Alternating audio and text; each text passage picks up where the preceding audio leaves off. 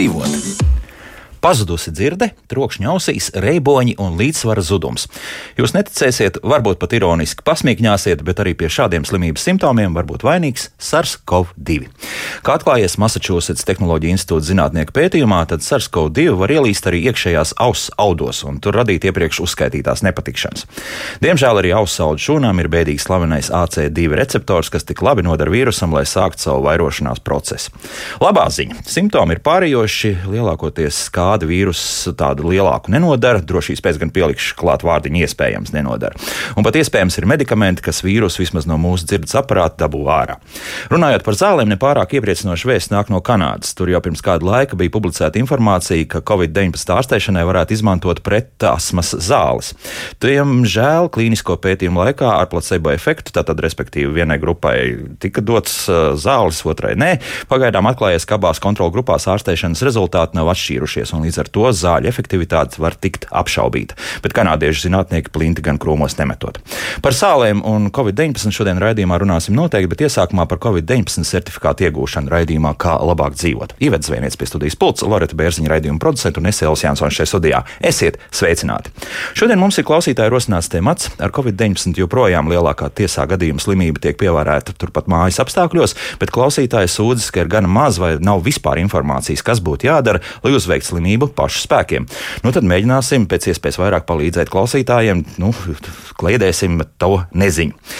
Esmu sazinājies ar ģimenes ārstu, lauku ģimenes ārstu asociācijas pārstāvi Aini Zalbu. Doktor, labdien! Labdien!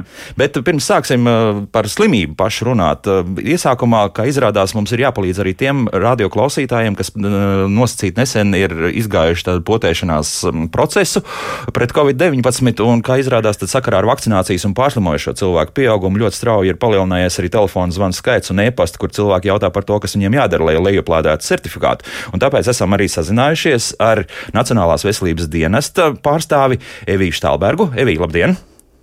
Labdien!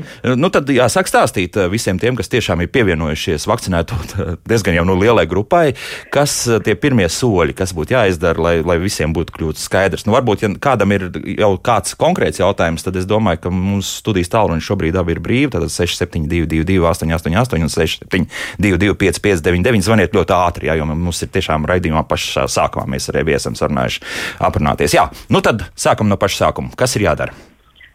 Jā, daļai iedzīvotāji jau ir pazīstams um, digitālais Covid certifikāts, bet uh, daļai noteikti uh, ir interese, uh, tātad īpaši tiem iedzīvotājiem, kuri šobrīd uh, vakcinējās vai plāno vakcinēties, vai arī ir pārslimojuši Covid-19, un uh, tas uh, solis, kas jāveic um, saņemot vakcināciju, tātad ir uh, jāapmeklē vietne Covid-19 certifikāts.lv Un pieslēdzoties ar kādu no Latvijas LV rīkiem, ir tātad iespējams apskatīt savu vakcinācijas certifikātu un to saglabāt viedierīcē vai kā attēlu vai kā pilnu dokumentu un arī drukāt un ņemt līdzi papīra formātā.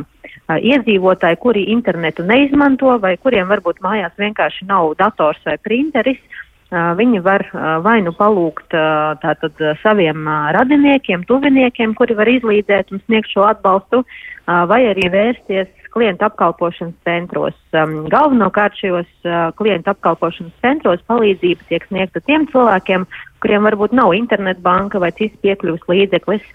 Un, tātad tie ir val, valstī šie vienotie pašvaldību klientu apkalpošanas centri un lielo pilsētu klientu apkalpošanas centri, kur ir jāsazinās, jāpiesaka vizīte, jāņem līdzi pase vai personas apliecība un uz vietas tātad parakstot apliecinājumu tiks šis certifikāts izveidots un izsniegts. Tātad ID karte vai pase derēs, eh, no sākuma gan ir jāpiesakās, jā, tātad eh, šādi šī kārtība. Nu, eh, attiecīgi lauka iedzīvotājiem būs jābrauc uz, uz šai gadījumā novada centru visdrīzākais, jā, tā sanāk. Jā, iespējams sazināties ar savu pašvaldību, noskaidrot par tuvāko centru. Ir arī saraksts pieejams Nacionālā veselības dienesta mājaslapā vai zvanot uz uh, uh, informatīvo tālruni 8000-1234. 8000, tātad 1234, jā, arī, arī šādi. Nu, paklausīsimies vienu klausītāju, un tad uh, es vēl arī pajautāšu vēl pāris lietas. Lūdzu, jūs varat jautāt? Halo! Labrīt! Labrīt. Es gribēju pajautāt, kā ir ar bērnu certifikātu. Ja bērnam ir 14 gadi, viņš ir savakcinējies, bet Aha. viņam internetbankā vai es varu lejuplādēt caur savu internetbanku, teiksim tā. Labi, jā, paldies. Jā, Evī, ko jūs teicat? Uh, jā. Jā, ir tāda iespēja, tātad pieslēdzoties uh, Covid-19 certifikāts LV, tur tiks piedāvāts izvēlēties profilu, tātad vai mēs vēlamies izveidot šo certifikātu par sevi, vai mēs vēlamies izveidot šo certifikātu par savu bērnu. Un tātad izvēloties šo profilu, mēs izvēlamies arī uh, uh, sava bērna certifikātu. Uh, savukārt ir vēl uh, iespēja arī jauniešiem no 14 līdz 17 gadu vecumam, ja viņiem ir pieejama tātad, šī pilnā internetbankas vai smart ID versija, tad viņi var arī pieslēgties un izveidot šo certifikātu paši. Jā. Mm -hmm. Jā, lūk tā. Nākamais jautājums. Halo, lūdzu. Jūs varat jautāt? Halo. Jā, lūdzu. Uh, jūs man dzirdat? Jā. Man tāds jautājums, man ir faktiski mans gadījums. Es pārslimoju jau janvārī, ja, tas ir diezgan sen. Mm -hmm. certifikāts ieviesa jūnijā. Tātad, nu, man viņš vairs nepienākās, tad seši mēneši pagājuši. Tagad es aizgāju, nu, pēc desmit mēnešiem, notestējos uz šo te Covid, COVID līmeni. Teiksim, cik, cik, cik man ir iekšā? Uz antivielu, jā. Mm -hmm. Jā, man tagad ir uz doto brīdi 143, bet certifikāts man tāpat nepienākās. Mm -hmm. Ko nu man darīt? Jā, teiksim, potēties it kā nu, nav jēga, jo tomēr ļoti, ļoti liels tas līmenis man ir. Labi, labi, labi paldies, Doma, sapratām. Es dzirdēju arī šai gadījumā jau vainim dzēlom es jautāšu, ko mēs ieteiksim mūsu radioklausītājiem. Viņš ir pārliecināts. Jā, nu jāsaka, jāsaka, ka vēl joprojām mēs reizēm saskaramies ar šādiem jautājumiem no mūsu pacientu puses, ir ceļš tiem, kuri ir pārslimojuši Covid-19. Nu, ko, ko, ko mēs kā speciālisti varam teikt? Pēc pārs, pārslimojot Covid-19 antivielas iespējams saglabāsies visu mūžu. Kaut kāds cipars jau būs nosakāms. Un problēma ir tajā, ka neviens, ne ģimenes ārsts, ne infektologs jums nevar pateikt, vai 143 ir labi vai 143 ir slikti. Vai šīs antivielas, kas ir laboratoriski nosakāmas, joprojām jūs turpina aizsargāt. To, ko nosaka laboratorija pēc pārslimošanas, ir tā saucamā šīs nukleokapsīda antivielas. Un tās parāda, jā, kad jums kaut kad iespējams tajā janvārī, ko jūs pieminējāt, šī saslimšana tiešām ir piedzīvota. Taču nav absolūti nekādu garantiju tam, ka jūs esat aizsargāts pret Covid-19. Statistika liecina, ka tuvākos trīs mēnešus pēc pārslimota Covid tiešām slimot atkārtoti nevajadzētu, bet tad tālāk ar katru dienu šī varbūtība pieaug. Un šo zvanītāju es aicinātu vairāk neaizrauties ar antivielu nodošanu, pierakstīties vai nu pie ģimenes ārsta vai kādā no vakcinācijas iestādēm un veikt vakcināciju. Un šobrīd, starp citu, ir veiktas arī izmaiņas vakcinācijas rokas grāmatā, un šis fakts, šīs 180 dienas, šie seši mēneši uh, pēc pozitīva Covid-19 testa un viena deva, prasība tika izsvītrota tādā ziņā, kad šīs 180 dienas vairs nav aktuālas. Tas nozīmē arī šim zvanītājam, ja viņš ir pārslimojis un viņam ir pozitīvs PCR tests, ko, kas ir reģistrēts laboratorijā, viņam šobrīd pietiek ar vienu vakcīnas devu, Un turpmāk, tātad pēc uh, viņam, viņam tiks izveidots vakcinācijas certifikāts. Aha, tad vienalga, vai tā būtu Moderna, Pfizer vai AstraZeneca vai attiecīgi arī Jensen vakcīnas, tad viena, viena deva, jā, mūsu radioklausītājiem. Jā, jā, šobrīd ir, uh, uh -huh. ir, ir šis papildinājums, tā jūs te, ka viena deva. Un tātad, nu, vēlreiz varbūt apkopojot visu šo garo stāstu, tātad uh, šīs antivielas, ko nosaka laboratorija, viņas jāparāda to, ka jums šī slimība kaut kad ir bijusi, bet viņas neparāda to, ka jūs joprojām esat aizsargāts. Mm -hmm, lūk, tā. Evi, es gribēju tālāk, Vai, jā, jā, lūdzu. Es, es vēlētos jā. arī Dzalba kungu nedaudz vēl papildināt mm -hmm. iedzīvotājiem skaidrībai. Tā, tā tiešām ir. Un te ir būtiski, ja šī pārslimošana ir notikusi diezgan sen, tad arī tātad pārliecināties, ka laboratorija, kurā tika apstiprināta šī saslimšana, ir ievadījusi datus e-veselības sistēmā, lai uz to pamata pēc šīs vienas potes saņemšanas būtu izveidojams certifikāts. Tā kā ja pēc pirmās potes certifikāts nav redzams, noteikti nesatraukties sazināties ar laboratoriju un pārliecināties, ka dati ir ievadīti. Tā, un uh, kur to meklēt, to informāciju? Tā, tas pats uh, nesanāks laikam divi digitālā Covid certifikāta šajā mājaslapā. Uh, Pēc, nebūs, pēc pirmās potes saņemšanas, tad šajā certifikātu vietnē jābūt redzamam vakcinācijas certifikātam. Aha. Ja certifikāts nav redzams, ja, tad jāpārliecinās, ka laboratorija ir šos datus uh, ievadījusi, ja īpaši, ja tas ir bijis diezgan sen. Uh mhm. -huh. Te jautājums arī no mājaslapas, vai Covid-19 certifikātu var caur savu internetu banku izņemt arī savam radiniekam, nevis nu, tiešām, respektīvi bērniem, bet, bet arī kādam radiniekam, kur nav internetbankas pieslēdzoties. Uh, Jā, diemžēl tāda Tad iespēja nav, nav jā, jo mm -hmm. tas ir oficiāls tāds dokuments, jā. un tad katrs saņem pats, jā, tāpat kā mēs katrs saņemam savu pasi, uh, bet ja šim radiniekam nav internetbankas, tad laipni lūgts uh, sazināties ar kādu no mūsu klientu apkalpošanas centriem. Un tad iet jau to ceļu, par ko mēs stāstījām. Un, jā, jā. Mm -hmm. jā, tieši tā. Jā, un vēl paklausīsimies vēl kādu klausītāju. Lūdzu, jūs varat jautāt? Halo! Halo! Jā, lūdzu! Arī e, es gribēju ieteikt vienu vienkāršu mājās turēt ožamo spirtu.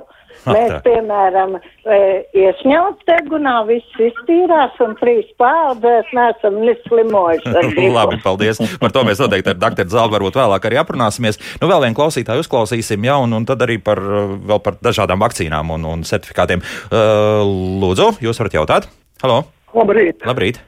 Vai tā tiešām kādu objektīvāku doktoru par doktoru Zalbu nevarēs studēt? Baidos, ka objektīvāk mēs vairs neatradīsim, ja tā pilnīgi godīgi. Es, uz doktor, es doktoram Zalbam ticu simtprocentīgi. Nu, lūk, tā, tagad eh, vēl, vēl par jautājumiem saistībā ar vakcīnām. Kas notiek šobrīd ar Jensena vakcīnām? Evī? Tā tad, eh, nu, principā sanāk, ka tomēr tās divas eh, Jensena vakcīnas būs noteicošās, kas dos šo certifikātu, vai tomēr arī jau pēc tās pirmās vakcīnas, kā bija kādreiz, nu, ka tikai vienas vakcīnas deva un, un certifikāts certifikāts ir gatavs. Jā, arī saņemot šo vienu devu, būs pieejams certifikāts. Tomēr ir ieteicams uh, arī Jensena gadījumā saņemt uh, otru poti. Mm -hmm. Tas ir ieteicams. Tā, nu, pagaidām tas tiek formulēts. Jā, mm -hmm. jā bet uh, savukārt par tām atbalsta vakcīnām, tad par trešo visi tie, kas jau ir saņēmuši vai, vai domā, ka saņems, un arī vai, nu, pieteiksies arī paši, tur kaut kas mainīsies, vai tur vienkārši parādīsies, ka ir saņemta šī trešā atbalsta poti? Jā, būs pieejams tātad arī jauns certifikāts par uh, trešo poti, tātad šis trīs no trīs uh, gadījumā, bet uh, ir jāņem vērā, ka arī iepriekšējais certifikāts joprojām būs derīgs. Tātad uh, certifikāts uh, Jansen gadījumā viena pota, citu pošu gadījumā divi no divi, tātad, ka ir saņemtas abas vakcīnas, un šis te vakcinācijas certifikāts joprojām būs izmantojams, joprojām būs derīgs, uh, un uh, tātad uh, šī te certifikāta izmantošana par trešās potes saņemšanu, tā atkal varētu būt šobrīd aktuāla gadījumā, ja iedzīvotājs plāno doties ārpus Latvijas republikas un tad Tiksim, ja konkrētajā valstī, uz kuru plānots doties, ir nu, prasība par trešās potes saņemšanu, vai šāds certifikāts ir teikt, nepieciešams kādiem citiem mērķiem, tad to iespējams izdrukāt un ņemt līdzi. Bet, protams, jebkurā gadījumā, ja ir plānots doties ārpus Latvijas, mēs iesakām vēl pirms biļešu iegādes sazināties ar attiecīgās valsts atbildīgo valsts pārvaldes iestādi un noskaidrot, kāda šobrīd ir spēkā esošās prasības uz ieceļošanu, uz certifikāta izmantošanu un visiem citiem jautājumiem, gan ieceļojot, gan uzturot, uzturoties šajā valstī, jo katrā valstī atšķirās epidemioloģiskā situācija, katrā valstī ir atšķirīga likumdošana, ja, un tas ir noteikti jāņem vērā. Latvijā uzturoties, protams, mēs uh, izmantojam šos certifikātus atbilstoši mūsu valstī uh, noteiktajiem šiem te verificēšanas kritērijiem, ja, jeb šiem te nosacījumiem par zaļo režīmu un citiem režīmiem dodoties ārpus Latvijas, eh, šie nosacījumi var būt atšķirīgi. Ja? Tāpēc mm -hmm. ir jāatcerās, ka certifikāts ir apliecinājums, tātad mūsu drošs apliecinājums, kā mēs varam uh, tiešām apstiprināt, ka mēs esam vakcinēti un ka šis certifikāts ir autentisks un uh, informācija par visiem šiem certifikātiem tiek uh, teiksim, notiek tāda apmaiņa Eiropas Savienības šī tīkla ietveros. Uh -huh. uh, bet, protams, prasības valstīs var būt atšķirīgas. Lūk tā. Nu, Evi, varbūt vēlreiz atgādiniet lūdzu tālruni, ja, kur ir jāzvan, un tad mēs varam arī šodien beigt mūsu sarunu.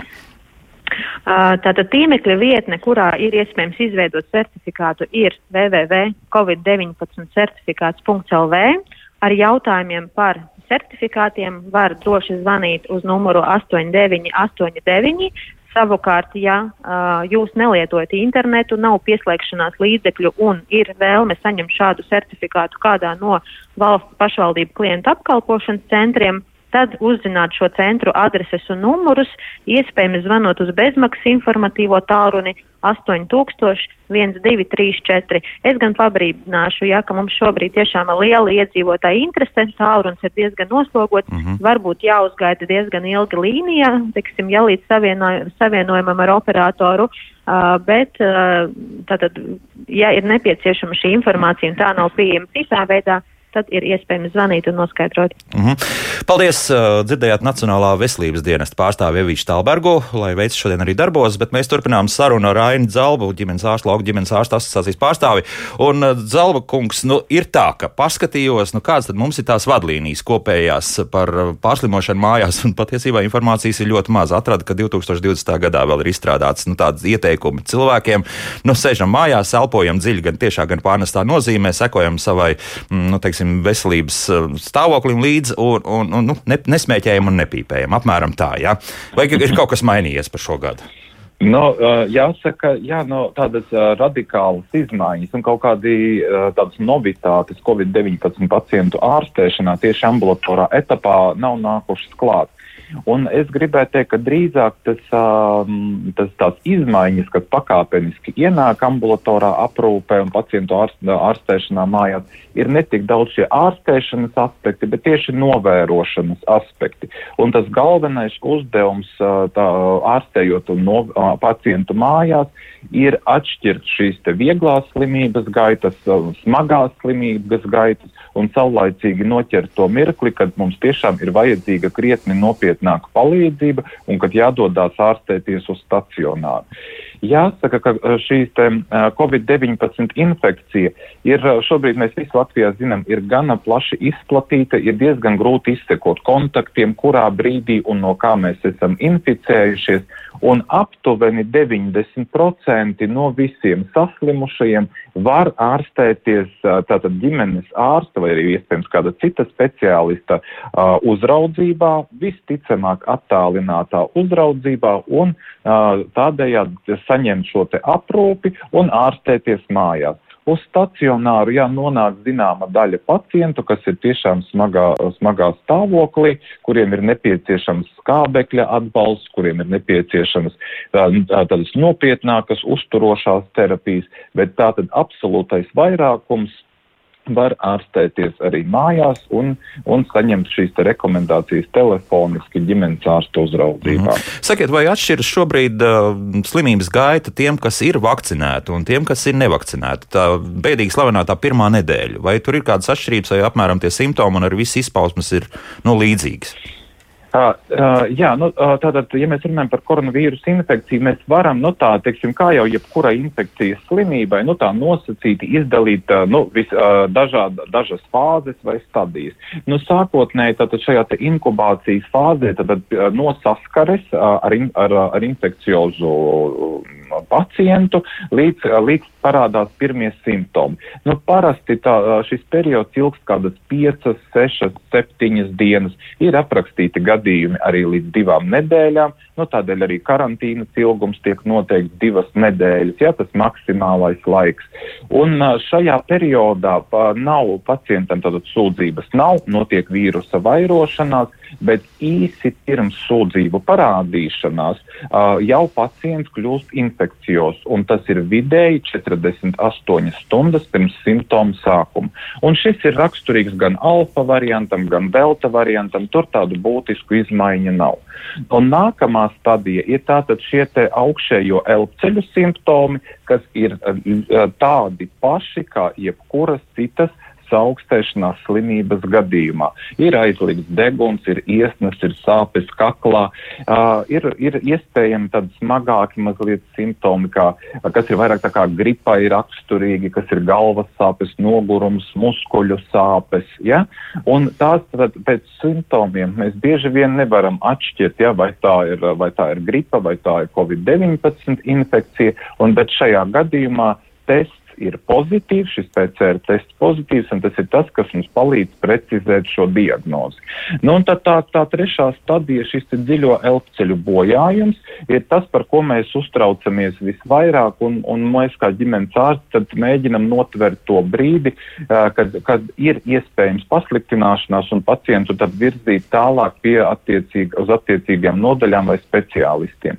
Alfa vīrusa variantā, tas, kas mums bija pagājušajā sezonā, šis plaušu bojājums tipiski radās aptuveni kādā 7., 8., iespējams pat 10. dienā pēc slimības sākuma. Likās, ka jā, bija tāds um, aizlikts deguns un klepus un sākumā lielas temperatūras. Tad bija kā tāds brīdis, ka ir uzlabojums, un tad atkal ir krasāks pasliktinājums. Mm -hmm. Runājot par delta variantu, šobrīd jāsaka, ka, ka šis periods ir saīsinājies. Jau 5. un 6. slimības dienā mēs biežāk vērojam šādu pasliktinājumu, pietiekami strauju, ar, ar klepus pieaugumu, ar elpas trūkumu, ar sāpēm krūtīs, kas viennozīmīgi norāda uz plaušu bojājumu. Un šeit, protams, mēs pacientus jau novirzam uz stacionāriem. Kāda ir atšķirība starp vakcinētiem un nevakcinētiem? Atšķirība pēc būtības ir šajā te trešajā stadijā. Mums, jā, arī praksē ir pacienti, kas ir pilnībā vakcinēti, ir inficējušies ar covid-19, bet viņu slimības gaitas, nu, tālāk par šo otro stadiju, kas ir iesnas un klepus, tālāk nu, nav arī neviens nonācis. Bet nevakcinētajiem tātad šī gaita, šī klasiskā gaita un agresīvā slimības norise un delta varianta gadījumā ir ļoti raksturīga, it īpaši senioriem. Un to mēs mhm. arī diemžēl savā praksē sastopamies, kad aptuveni 5. 6. dienā mūsu kungs vai kundze, omīte, opītis paliek krietni sliktāks, negrib vairs ēst, negrib dzert, ir elpas trūkums runājot, ir sāpes krūtīs, un šīs ir viennozīmīgi jau o, situācijas, kad mēs lūdzam neatliekamās medicīniskās palīdzības iesaisti un mūsu pacienta nogādi uz stacionāru. Nu, protams, arī šeit tie paši klasiski apstākļi joprojām darbojās, jo pacients vecāks, jo pacientam vairāk šo kronisko saslimšanu, jo lielāka varbūtība piedzīvot šo plaušu bojājumu. Mm -hmm. Aldis mums jautā mājaslapā, ir kas mainījies pēdējos divos gados, tātad 70% joprojām Covid-19 slimības ir asimptomātiskas. Tātad eh, Latvijā viss pa vecam un aptur Covid tālāk par mākslīgo elpināšanu nav tikuši, bet Igauni jau pirmajās dienās ambulatoru aprūpu veids ar skābekļu koncentrātoru vai mo mobīlo skābekļu balonu, tādējādi būtiski samazinot iespēju pārējiem 30% braukt uz slimnīcu. Nu, lūk, ko, ko mēs, doktor Zelta, šeit teiksim par to, ka uzreiz vajadzīgs arī jā. skābekļa aparāts mājās? Nu, tiešām jau no pirmās dienas sākam elpot. Jā, jāsaka, jā, pēdējā laikā arī Latvijā varbūt ir šīs diskusijas ar vien tādas plašākas, jā, arī publiskajā telpā par skābekļa terapiju mājās. Taču es pārskatīju vēlreiz visas aktuālākās rekomendācijas nu, no tādām vadošām valstīm kā Lielbritānija, Kanāda, Amerikas Savienotās valstis, arī tās pašas Skandināvu valstis. Nu, tās ir tās mūsu teiksim, līderes vispār veselības aprūpes sistēmā, gan pētniecības jomā, gan darba organizācijas jomā, uz ko mēs raugāmies.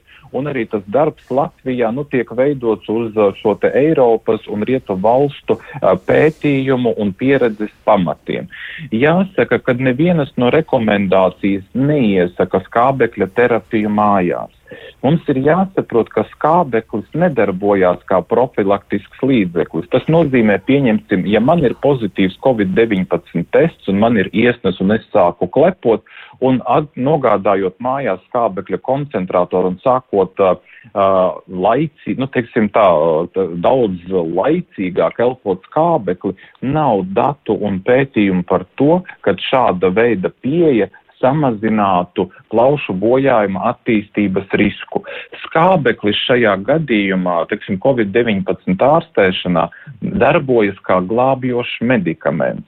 Tad, kad, skābe, tad, kad plaušu virsma ir bojāta, kad plaušām zūd spēja uzsūkt skābekli no atmosfēras, tad mēs piegādājam skābekli koncentrētākā veidā, cerot uz to, ka tā atlikusī plaušas daļa spēs nodrošināt pietiekamu skābekļa koncentrāciju uh, vispār organismam kopumā. Tātad profilaktiski skābeklis nekur netiek ieteikts lietot ambulatorā praksē, un ja pacients ir tik smags un atrodas mājās, ka viņam ir nokritusies saturācija, un viņš dzīvo tādā izteiktā elpas trūkumā, tad ar skābekļa inhalācijām tur būs vien pamaz. pamaz jā. tur ir fonā vajadzīgi ļoti nopietni medikamenti, kā pieņemsim intravenoza šķidruma ievade, tur iespējams ir vajadzīgi medikamenti, kas uztur sirdsdarbību, Un šāda veida pacienti viennozīmīgi ir nogādājumi Slimnīca. stacionārā. Nu, lūk tā, jā. Skābekļa terapija Latvijā tiek nodrošināta atbilstoši vispārējai pasaules praksei.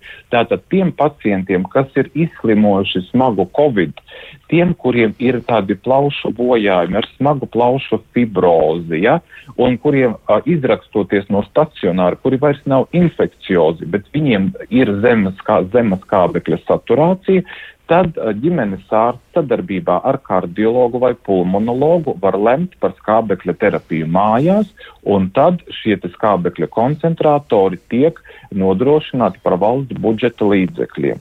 Vēl ir tādas atsevišķas situācijas, kad pacients, pieņemsim, viņam ir hroniska plauša slimība jau šobrīd fonā ar covid nesaistīta, un viņš elpo mājās skābekli, Pru, uh, lai, lai uzturētu savas dzīvības funkcijas. Protams, ja šāds pacients inficējas ar covid un šī gaita sākotnēji ir viegla, protams, viņš turpina lietot šo skābekli, nu tātad citas diagnozes dēļ. Ja, mums arī daudzi ģimenes ārsti, mēs esam iepirkuši savās praksēs skābekļa koncentrators, tos mēs atstājam, lai sniegtu neatliekamo palīdzību praksēs, teiksim, pacientiem ar astmas pāsinājumiem, pacientiem ar akūtām sirds asinsvadu dažādām problēmām, bet šie skābekļa koncentratori netiek izmantoti, lai pacientus ar smagu covidu ārstētu mājās šobrīd Latvijā. Mm -hmm. Labi, paklausīsimies vēl kādu klausītāju, un tad arī laiks muzikai. Lūdzu, jūs varat jautāt? Halo! Labdien! Labdien. Komentārs viens jautājums. Uh, jūs teicāt, ka cilvēki, kas pārslimoja Covid pirms kaut kāda laika, ja ka viņiem ir tās antivielas, bet tās antivielas nepasargā no saslimšanas un ir jāiet vakcinēties. Bet vakcīna taču arī nepasargā no saslimšanas. Mm -hmm. Un Jā. jautājums, jautājums ir, uh, ja es eju vakcinēties, cik ilgi, kāds ir tās vakcīnas darbības periods un uz cik mm -hmm. ilgu laiku ir tas certifikāts derīgs. Tā, nu par certifikātu runājot, Jā. pagaidām ir beztermiņa mums, jā, vismaz pagaidām. Ir. Jā, nu tā tad mums, jā, nu jautājums, protams, ir, ir ļoti aktuāls, ja. Tā tad mēs balstam tātad gan šo, mm, da, teiksim tā, pārslimošanas aizsardzību un to aizsardzību, ko rada vakcīnas, mēs, protams, daļēji varam balstīt uz šiem te antivielu titriem. Šis jau kā visi infektologi, epidemiologi un zinātnieki mums skaidro gan sabiedrībai, gan arī ārstiem, praktiķiem, antivielas nav vienīgais aizsardzības mehānisms. Tiek pieminēta gan šūnu o, imunitāte, gan šūnu atmiņa un daudz dažādi citi faktori, kas mums nodrošina imunitāti. Nu, imūnsistēma ir ļoti komplicēta tāds organisma aizsardzības mehānisms, kas nesastāv tikai no antivielu ražošanas. Un tā tad arī pēc pārslimošanas, pārslimošanas imunitāti nenodrošina tikai antivielas. Ir, kā jau minēju, daudz un dažādi mehānismi. Līdz trīs mēnešus tātad pēc pārslimošanas tiešām ļoti reti sastopams atkārtots covid. Pārsvarā līdz sešiem mēnešiem cilvēki atkārtoti neslimo. Pēc seši mēneši šie saslimšanas gadījumi tiek reģistrēti, un arī Latvijā SPKC ir apkopojis informāciju, ka Latvijā jau vairāk kā 300 cilvēki ir Covid infekciju izslimojuši atkārtot. Runājot par vakcīnu sniegto aizsardzību, mēs visi šobrīd zinām, ka uh, tādas vakcīnas kā Pfizer ražotās, Astras, uh, AstraZeneca ražotās vakcīnas dod aizsardzību vismaz uz seši mēneši, Moderna vakcīnas aptuveni astoņi mēneši, nu, Janssen vakcīna arī aptuveni uz kādi seši mēneši, bet nu, tur tas aizsardzības varbūt līmenis ir mazliet zemāks. Un tāpēc šīs uh, papildus devas ir vajadzīgas kā nu kurai vakcīnai pēc sešiem vai pēc astoņiem mēnešiem. Mm -hmm. Vēl, doktor Zalbis, par to skābekli runājot, nu varbūt tie vietpulksteņi vēl kaut kā var palīdzēt pie tās uh, pirmās, teiksim, fāzes, kad uh, vēl nav īsti skaidrs, kā tālāk viss attīstīsies un pasakot līdzi. Nu, tomēr kaut ko tas pulkstenis rāda, un apmēram cik tie ir 98 Jā. vai 9% vai 6, tomēr, un varbūt arī pat zemākie parādās. Jā, arī, mēs arī, jā, mūsu pacienti, arī sevišķi gados jaunāki, kuriem varbūt šīs te jaunās tehnoloģijas ir viņu dzīvesveids un ikdiena, arī, arī šīs, šos vietpulksteņus mēģina izmantot. Jāsaka, ka uh, liela daļa no viņiem ir gana precīzi un uzticami un, mm -hmm. uh, un zināmā veidā arī palīdz varbūt šo te viedokli, nu, kaut kā vairāk objektivizēt šo pacienta veselības stāvokli. Taču, nu, tas svarīgākais, nu, mēs tomēr aicinam drīzāk izmantot vairāk šīs medicīniskās ierīces, nu, un kā palīgs visā pasaulē tomēr tiek atzīti šie pulsa oksimetri, kas savā lietošanā ir gana vienkārši. Tātad šis te jau vairāk kārt demonstrēts, ja knaģim līdzīga ierīce, ko mēs uzliekam, pieņemsim uz rādītāju pirksta, ieslēdzam, un tad mēs vērojam, ko mums šī ierīce rāda. Un tas, tātad šī ierīce nosaka uh, skābekļa piesātinājumu perifērajās, asi, perifērajās asinīs, tātad sīkajos asinsvados. Un tas, uh, tas robežu līmenis, par ko mēs sakam, kad kurā brīdī ir labi vai slikti, ir aptuveni 94%. Ja mūsu pacientam ir COVID-19 infekcija un ir klepus, ir, ir subjektīvi rodas kāds elpas trūkums, tad izmantojot šo ierīci un redzot, ka SPO2 šis rādītājs ir virs 94, mēs saprotam, ka mēs runājam joprojām par vieglu vai vidēji smagu slimības gaitu un pacientu varam turpināt ārstēt mājās. Mm -hmm. Ja pacientam šis rādītājs nokrītās zem 93, atsevišķos gadījumos zem 92, nu tādam hroniskam plaušu slimniekam pat zem 90, tādos gadījumos mēs kļūstam ļoti manīgi un, un lūdzam šo rādītāju tuvākajā laikā atkārtot, ja izmaiņu nav un simptomus pavada tādas sūdzības kā elpas trūkums, galvas reiboņi, varbūt pat apjukums, ja? tāda subjektīva elpas trūkuma sajūta, ka ir grūtības runāt, pietrūkst skābekļa runājot, ja ir aizdusa. Šie noteikti ir tā saucamie sarkanā karoga simptomi, kad mēs uh, objektīvi domājam par nepieciešamību mūsu pacientu hospitalizēt. Un tad ir neatliekamiem, protams, zvans, jā, uzreiz viens. Protams, jā, tad tas ir tātad tad tālāk mēs, jā, ir, ir, ir tāda situācija, kad ir vajadzīga papildus nopietnāka izmeklējuma, nopie, nopietna pacienta uzraudzība, atbilstoša terapija, ne tikai skābeklis, ja, un to var nodrošināt tikai stacionārs. Mm -hmm. Nu, lūk, es ātri sev nomērīju arī skābekļa daudzumu 98, tā kā vesels esmu šobrīd, un mēs turpinām mūsu raidījumu ar mūziku. Pēc mūzikas mēs turpināsim sarunu ar doktoru Zalbu, bet arī nedaudz painteresēsimies, vai ir arī kāda speciāla diēta Covid-19 slimniekiem, kas varētu palīdzēt drusku ātrāk tikt uz tām kājām. Bet tas viss pēc mūzikas. Kā labāk dzīvot? Mēs turpinām sarunu ar ģimenes ārstu, lauku ģimenes ārstu asociācijas pārstāvi Aini Zalbu, un mums ir pievienojusies arī medicīnas zinātņu doktora, certificēta dietoloģe Laila Mēja. Laila, sveiki! Labdien! Labrīt! Labdien! Laila, nu, mums ir viens liels jautājums. Vai pārtika un pārtikas izvēle, ko Covid slimnieki mm, patērē slimības laikā, var kaut kā palīdzēt slimības gaitas uzlabošanai vai nē, un vispār kopumā par šādu diētu, jo arī šajās vadlīnijās tomēr parādās tāds vārds, nu, ka vajadzētu lietot veselīgu pārtiku. Klausāmies!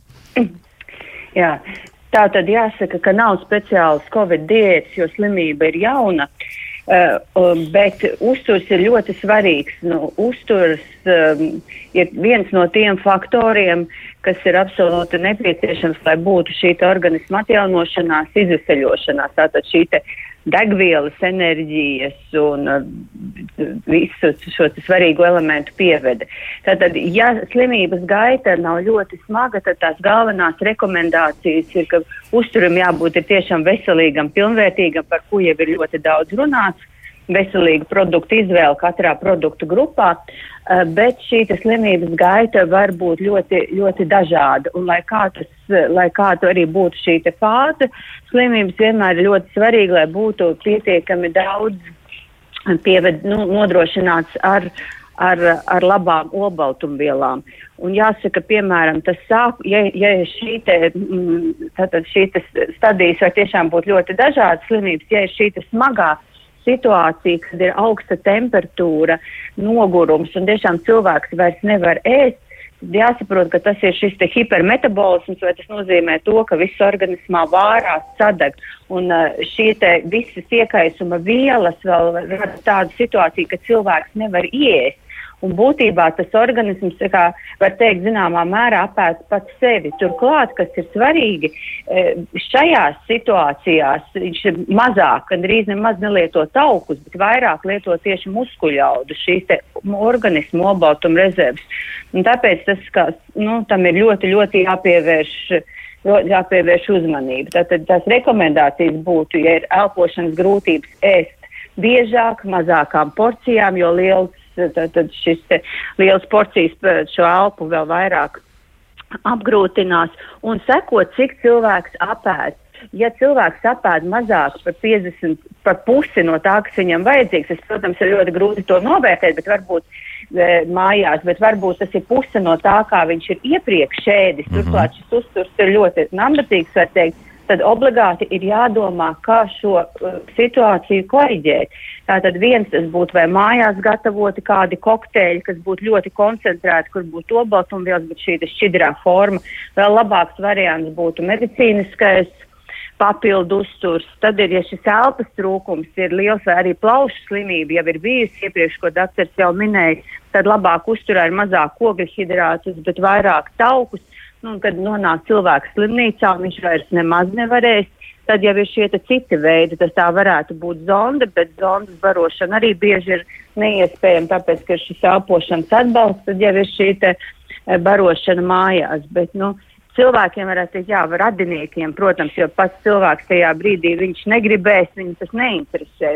Mm. Skatīties, ko šis cilvēks, cik daudz apēd. Nu jā, un šīs galvenās problēmas, protams, kas ir saistīts ar šīs sliktā apetīte, ja, un tad jācenšas kā šo cilvēku tomēr pabarot ar ļoti koncentrētu ēdienu. Tātad, lai mazā, kas ir pretējā svara zaudējot, lai mazā, mazā porcijā būtu ļoti daudz gan kalorijas, gan olbaltumvielas, un lai tās būtu veselīgas olbaltumvielas. Tā, un tagad es jautāšu par neveselīgu pārtiku, bet ja tas nozīmē tā, ka cepts solis ar bekonu, tad būtu īstā laikā un vietā, nu pēc būtības. Nu, tur, tur būs labi, gan olbaltumvielas būs, gan, gan tauku. te, teiksim tā, vienkārši tī, ja, ja tiem, kam vajag vairāk šos taukus, tiem ir šī elpošanas mazspēja, viņam ir grūti elpot, un tādā ziņā šī porcija, šitās bekonas ar olām, varbūt cilvēkam būs grūti asimilējums. Mm -hmm. Šeit vairāk rekomendē tos veselīgos taukus, tās būtu labās eļļas, tie var būt rieksu sviesti, piemēram, tas var būt avokādo arī. Lai, jo šī šo maltīti vienkārši būtu cilvēkam arī. Bet, ja, nu, es, es teiktu, ja cilvēks to grib un ja viņam ir laba sajūta pēc tam, ja nav grūti, tad šeit noteikti nevajag, nevajag to liekt. Tas -hmm. būs sliktāks efekts, ja cilvēkam to nedod, nekā ja viņš to ēd. Un, un apetītes jā, tad, iztrūkumu arī ir jāpārvar. Jā? Tas, tas arī viens no tiem obligātiem. Jā, nu vienkārši tad ir, jā, ja ir apetītes trūkums, protams, ir jāska, jā, jāpiedāvā tas, ko cilvēks gribēs, bet nu, citreiz, ja viņš grib tikai buļļonu, tas buļļons varbūt stimulē apetīti, bet tur uzturviela ir ļoti mazvērtīga. Jā, bet ir jācenšas viņu nodrošināt ar šīm uzturvielām, jo pretējā gadījumā tas vēl vairāk izsmeļ organismu rezerves. No organisms tā kā pats sevi izlieto, kā es teicu. Nu jā, un tad ir šīs garšas izmaiņas, kas arī un smaržas, ka cilvēks nejūt smaržu, viņam jau vairāk nav šī normālā ēdiena bauda, un tad arī tas ir ļoti, ļoti individuāli. Dažiem pat šī te, uh, smarža sāsinās, viņš vairāk jūt jebkuru smaržu, kas arī traucējoši. Un tad ir jāskatās, kā sākt ar šiem tēdieniem, kas ir maigāki, ar mazāk garšas īpašībām, pēc tam stiprākus un sākt vēsākus un tad, un tad siltākus. Un, protams, jāskatās garšvielas ir jālieto, lai gribētos ēst, bet nu, jāskatās, lai nebūtu par daudz šis sāls un cukurs, jo cilvēks jau to neizjūt. Nu, un, protams, arī ir nu, nepieciešams šķidrumu uzņemt. Kam cilvēks var dzert, tas ir jādzer, bet arī bieži smagos stāvokļos negrib dzert, bet tas arī ir nu, jācenšas pierunāt pa malciņam, pa malciņam, jo tas ir gan nu, visām organismu šūnām, lai nebūtu atūdeņošanās un arī šim te klepus, ja ir, tad arī, lai šī nu, atklepošanās būtu vieglāk. Nu, jā, un vēl varbūt, protams, arī rīšanas grūtības, tad ir jāmaina konsistence. Nu, šeit ir ļoti šī slimība ir tik viltīga, un tas ir tik dažāds arī šīs individuālās izpausmes, ka tam būtu jāsaka un teikt, ja tiešām ļoti liels problēmas, tagad arī ir dažādas online konsultācijas pieejamas tad varbūt ir vērts kādu reizi nokonsultēties. Jā, un ar certificētiem speciālistiem uzreiz teiksim. Jā, jā drošības pēc. Jā. jā, tieši tā. Laila, paldies. Mums tiešām ļoti maz laika. Ir medicīnas zinātņu doktora certificēta dietoloģija bija kopā ar mums Laila Mēja. Un Laila šodien ir veids visos darbos un paldies un neslimojam, bet mēs ar do, doktoru Zalbu turpinām. Doktori, jums arī jau kaut kas bija tāds. Hmm, es saprotu, ka jā, kaut kas es, jā, jā, es, gribēju, es gribēju pateikt lielu paldies uh, profesorai Mējai par mm -hmm. tik izsmeļošu informāciju. Mēs bez šaubām arī ikdienā, nu, līdzīgas tādas rekomendācijas arī mēģina mūsu pacientiem sniegt. Protams, tie ir no tāda vēl no praktiska viedokļa. Tiešām, kad, kā profesora teica, ir šīs ožas un garšas izmaiņas, un mēs aicinātu cilvēkus, jā, tās uzturu, nu, nemēģināt viņu pārsālīt vai sasaldināt, un, nu, tā kā, nu, vai es jūtu vai nejūtu, un bērt to sāli tik daudz, un, teiksim, nu, līdz kamēr kādas garšas sajūtas rodās lietojot nu, tik neveselīgu uzturu, ja, teiksim, vai nu kas ir bagāts ar ogļhidrātiem vai ar, vai ar uh, nātrija chlorīdu, mēs tiešām spējam nodarīt kaitējumu veselībai. Ir ļoti svarīgi arī šis nu, šķiedrvielām bagāts uzturs. Tātad tas nozīmē, ka ir kāds auglis dārzenis ar dienas laikā ir jāpēd, lai mēs, jo slimības gaita mēdz būt smaga, un tas viss var rezultēties aizcietējumos, vēdera darbības traucējumos, un tā, tas to arī mēs vienmēr mēģina mūsu pacientiem piekodināt, ja, kad uh, neaizmirst arī par to. Protams, tiem pacientiem, kas klepo, un it sevišķi arī būt bērniem, mēs mēģinām nu, atgādināt, ka var būt tāda sausa barība, kā kā pieņemsim šīs te auzu pārslas, nu, vai, vai vai tās brokastu pārslas, vai kelogi, kā, viņas tautā sauc, mm -hmm. klep, nu, tādam aktīvi klepojošam bērnam vai pieaugušajam varbūt izvairīties, jo reizēm, nu, sanāk tā, ka ar to var aizrīties, ja tā, un tie pacienti, kas ir guloši, nu, nemēģinam savas omītes un opīšus barot guļu stāvoklī, kad viņi guļ uz muguras, ja, tas ir ļoti lieli aizrīšanās riski. Mēģinam uh, mūsu smagākos pacientus dabūt pusēdu stāvoklī, atbalstīt un tad dot dzert un ēst, lai izvairītos tieši no aizrīšanās. Mm -hmm. nu, un, protams, viennozīmīgi, kā minēja profesora, šķidruma apjoms ap divi litri pieaugušajiem ir tas nu, ārkārtīgi būtisks nosacījums, lai mēs varētu nodrošināt, ka mūsu nieres strādā labi un ka temperatūras regulācija ir adekvāta. Ja? Nu, un, un tātad no šīs no tieši kā no ģimenes ārsta vēl tāds uh, papildinājums, kas ir ļoti, ļoti būtisks mūsu pacientiem klientiem. Lūk, tā, es tā saprotu, ka tīri labi varētu būt tāds dārzeņu biezups šajā gadījumā, darētu, vai ne? Izklaus, izklausās gana garšīgi un izklausās gana veselīgi. Mm -hmm, lūk, tā. Nu, vēl viena klausītāja paklausīsies, mums zvana nepārtraukti, līnijas ir aizņemtas. 7, 8 radioklausītāji vēlas mums aprunāties, bet nu laika ir tik, cik ir, un vēl ir mājaslapa, vēl mums ir arī vēl. Lūdzu, jūs varat jautāt. Halo! Halo! Halo, halo, nu nerunās ar mums. Nu labi, tad vēl vienu ātri paņemšu kādu citu klausītāju. Tā, lūdzu, jūs varat uh, runāt. Labdien! Labdien. Potējies, protams, esmu. Uh, man ir tradīcija pārdienas apmeklēt saunu 100-120 grādos. Uh, vai tas profilaksē kaut ko dotu? Paldies! Jā, paldies! Kā tur būs? Uh, jā, es, es domāju, ka vispārībā, protams, pirts procedūras un pirts tradīcijas Latvijā ir ļoti, ļoti atbalstāmas un ļoti labs tāds varbūt relaksācijas veids, un bez šaubām tam ir arī zināma tāda pozitīva ietekme uz labsajūtu un uz tādu veselību kopumā.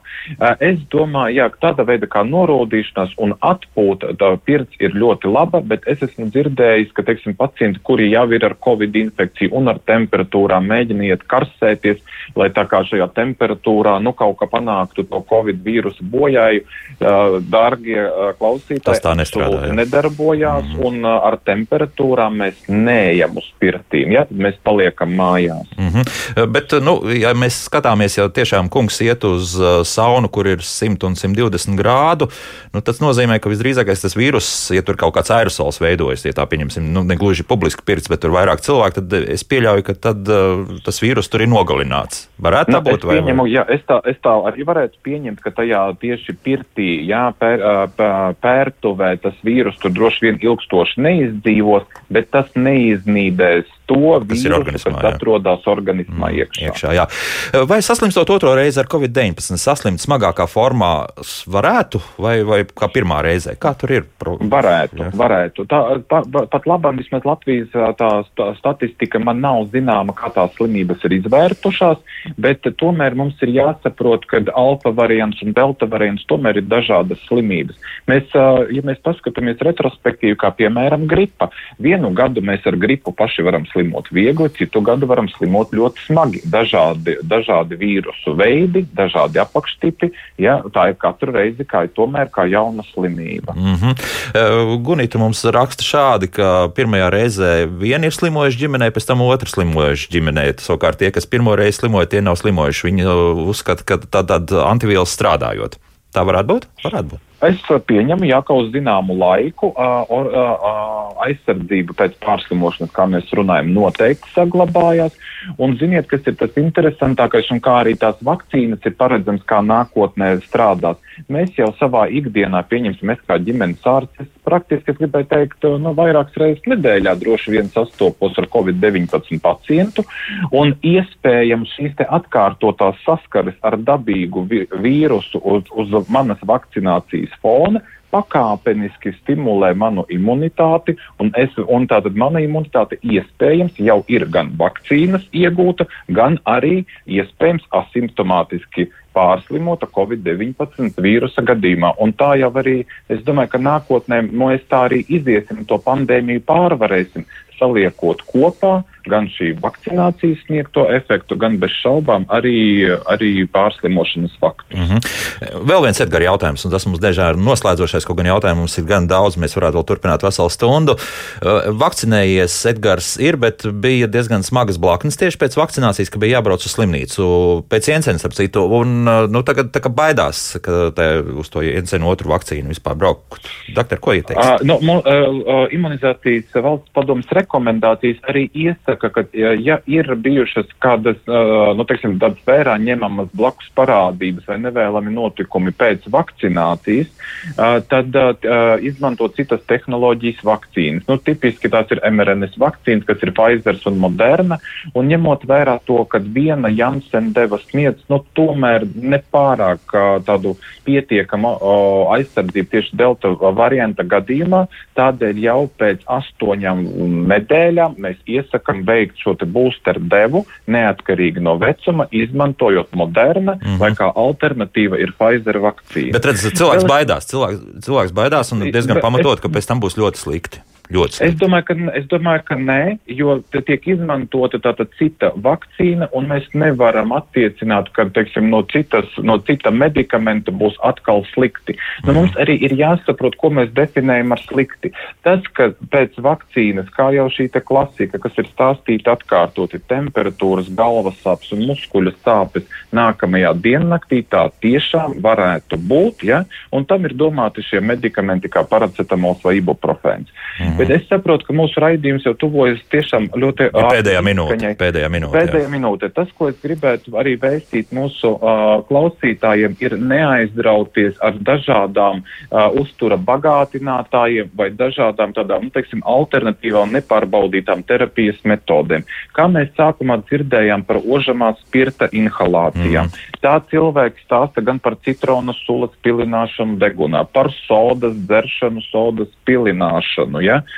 Tās visas nav tās metodas, kurām būtu jau kādi pierādījumi, ka kāds ir pasargāts vai izglābies no Covid-19, vai kādu vai šāda veida darbības būtu pasargājušas ja, no saslimšanas. Tie efektīvākie profilakses veidi ir vakcinācija, veselīgs dzīvesveids, veselīgs uzturs, pastaigas svaigā gaisā, sports un, un iespējams arī pirts, ja, nu, ievērojot epidemioloģiskās drošības prasības. Mm -hmm. Un visus iedzīvotājus aicināt, ja jums ir Covid-19 un pašsajūta nav laba, noteikti sazinieties ar ģimenes ārstiem, un mēs mēģināsim saprātīgā laikā sniegt jums padomus, un tie ieteikumi būs balstīti atbilstoši mūsdienu algoritmiem. Ģimenes ārsts, lauka ģimenes ārsta asociācijas pārstāvis Ainas Dzels bija kopā ar mums. Doktor, paldies par skaidrojumiem, jums arī saka, starp citu, paldies, un uh, tiekamies jau pirmdien, pirmdien par autobraukšanu vairāk runāsim, tā kā drusku mierīgāks būs temats. Neslimojam un ejam arī vakcinēties. Nu, mīļie, nu izdarām to, ja? Sarunājuši. Atā!